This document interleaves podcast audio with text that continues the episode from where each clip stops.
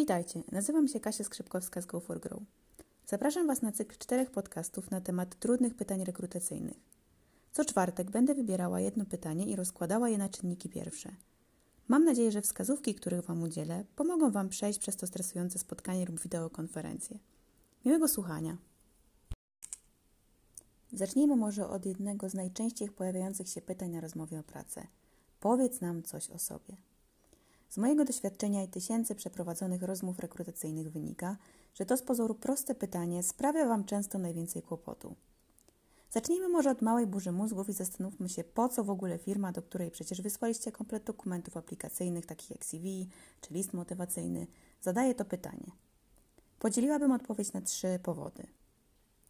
Jeden dość oczywisty powód to po prostu chęć zapoznania się z kandydatem i przełamania przysłowiowych lodów. Kolejna sprawa to zdefiniowanie mocnych stron kandydata potrzebnych na stanowisku, o które się owy kandydat ubiega. Tak, nie pomyliłam się, już wtedy rozpoczyna się proces prezentowania Waszych umiejętności. Trzeci powód to styl i umiejętności komunikacyjne kandydata, które już od początku są przez rekrutera weryfikowane. Dobrze, to wiemy już po co to pytanie. Nie będę tu oryginalna, jeśli powiem, że zawsze warto przygotować się do rozmowy rekrutacyjnej, między innymi poprzez wypisanie na kartce papieru przykładów różnych sytuacji z Waszego doświadczenia, które podkreślą Wasze kompetencje. W przypadku tego pytania jest to jeszcze bardziej potrzebne, bo bardzo często pojawia się ono już na początku rozmowy. Im pewniej czujemy się z naszą odpowiedzią w tych pierwszych minutach, tym mniej będziemy zestresowani i lepiej pójdzie nam całe spotkanie. Na co zwrócić uwagę przy tworzeniu mocnej odpowiedzi? Co powinno się w niej znaleźć? Po pierwsze, warto skupić się na kluczowych momentach w doświadczeniu czy wykształceniu, które będą się odnosić do Waszych mocnych stron, potrzebnych na to konkretne stanowisko. Rekruter nie chce słyszeć całej historii Waszego życia, kiedy do wieku 5 lat postanowiliście, że zostaniecie na przykład handlowcem. Kolejna sprawa to wybranie tych kluczowych momentów, e, aby zmieścić swoją odpowiedź w około półtorej minuty. To najbardziej optymalny czas na wstęp. Pamiętajcie też, żeby pisać o sobie – nie o kimś innym. Często zdarza się tak, że kandydaci ściągają jakąś odpowiedź z Google i potem ich wypowiedzi są niespójne lub zupełnie wyrwane z kontekstu. Można obejrzeć sobie kilka filmików dla inspiracji, ale zdecydowanie odradzam uczenia się kwestii na pamięć. Wyjdzie to po prostu sztucznie. Tak jak wspomniałam wcześniej, już podczas odpowiedzi na to pytanie zaczyna się sprzedawać swoją kandydaturę i warto pokazać się z jak najlepszej strony, żeby to pierwsze pozytywne wrażenie trwało całą rozmowę.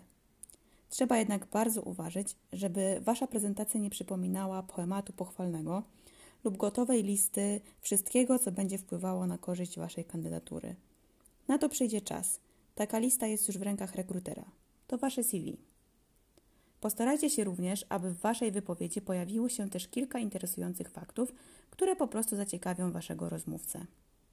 Po napisaniu swojej wypowiedzi nagrajcie się też Poćwiczcie przed lustrem, jest to bardzo ważne, żebyście mogli ją odsłuchać i krytycznie zastanowić się, czy brzmi ciekawie, czy wydaje się silną odpowiedzią.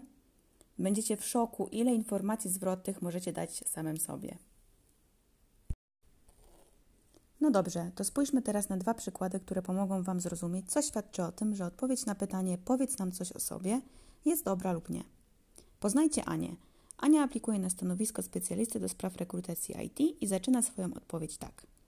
Mam na imię Ania, ukończyłam liceum o profilu humanistycznym w Gdańsku, potem studiowałam lingwistykę angielsko-niemiecką. W międzyczasie mieszkałam kilka lat w Wielkiej Brytanii, gdzie pracowałam w branży turystycznej i pokochałam pracę z ludźmi.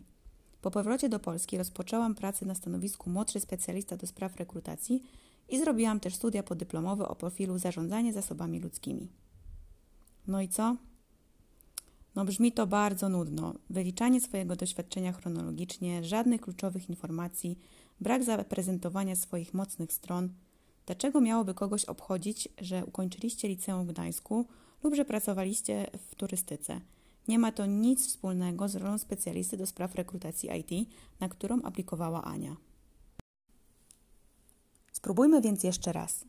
Dzień dobry, mam na imię Ania i mam czteroletnie doświadczenie w obszarze rekrutacji, które zdobywałam w międzynarodowej organizacji zajmującej się outsourcingiem usług rekrutacyjnych i wspierającej klientów z różnych branż. Studia językowe pozwoliły mi świetnie rozumieć kandydatów z różnych stron świata, a studia podyplomowe o profilu zarządzania zasobami ludzkimi uporządkować wiedzę o procesach działu HR, głównie rekrutacji. Obecnie zajmuje się identyfikowaniem potrzeb rekrutacyjnych swoich klientów, poszukiwaniem potencjalnych kandydatów za pomocą mediów społecznościowych oraz prowadzeniem jednocześnie średnio 10 do 15 projektów rekrutacyjnych tygodniowo, głównie na stanowiska z branży finansów i IT. Moglibyśmy jeszcze dopracować tę wypowiedź, ale tutaj wiemy już więcej o tym, jakie kluczowe aspekty i kompetencje mogą przydać się na stanowisku, na które aplikuje Ania. Wiedza na temat rekrutacji, ale też innych procesów HR. Dobre umiejętności komunikacyjne, praca w międzynarodowym środowisku, współpraca z klientem, ale też informacje na temat tempa pracy w konkretnych branżach. Fajny wstęp do rozmowy, prawda? Mam nadzieję, że dzisiejszy podcast pomoże Wam odpowiedzieć na pytanie: powiedz nam coś o sobie i że dzięki rzetelnemu przygotowaniu się do rozmowy o pracę dostaniecie tę wymarzoną ofertę. Jeśli macie ochotę sprawdzić się w symulowanej rozmowie rekrutacyjnej lub audycie dokumentów aplikacyjnych, to zapraszamy do kontaktu na go4grow.contact.pl w celu zapoznania się z ofertą doradztwa rozwojowego. Życzę Wam cudownego dnia, Kasia.